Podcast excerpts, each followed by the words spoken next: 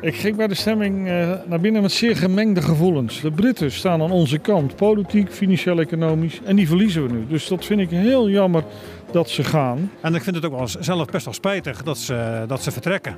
Ik had ze er heel graag bij willen houden. Het vertrek uit de Europese Unie raakt niet alleen de Britten, maar heeft ook gevolgen voor Nederland. Zo zeggen Peter van Dalen van de ChristenUnie en Bert-Jan Ruijsen van de SGP.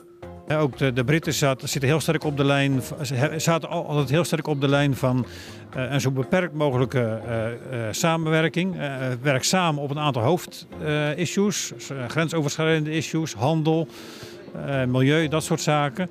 Eh, maar maak van de Europese Unie niet een soort superstaat.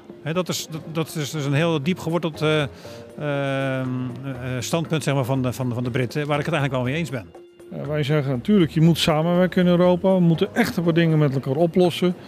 Maar Europa hoeft zich echt niet overal mee te bemoeien. Onderwijs, gezondheidszorg, dat soort dingen kunnen we prima zelf regelen. En die kijk hebben de Britten ook.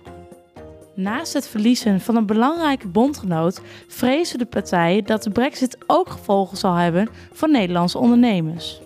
Eh, het is ook heel belangrijk dat er goede afspraken komen over het visserijbeleid eh, bijvoorbeeld.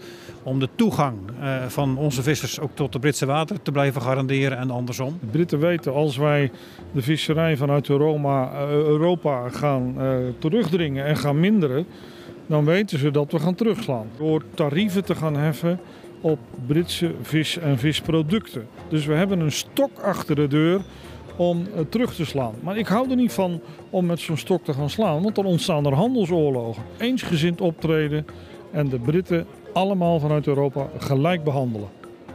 En hoe gaat u daarvoor zorgen? Eh, door elke dag hier in het Europese parlement erop te letten dat er geen kink in de kabel komt. En als die komt, dan ben ik de eerste om daar tegen in het geweer te gaan. En misschien ook een nieuw bondje smeden? Zeker. Wij hebben lange tijd, eh, laat ik zeggen, gespannen verhoudingen gehad op visserijgebied met Frankrijk. Ik ben nu bezig, as we speak, om de relatie met de Fransen weer op te krikken.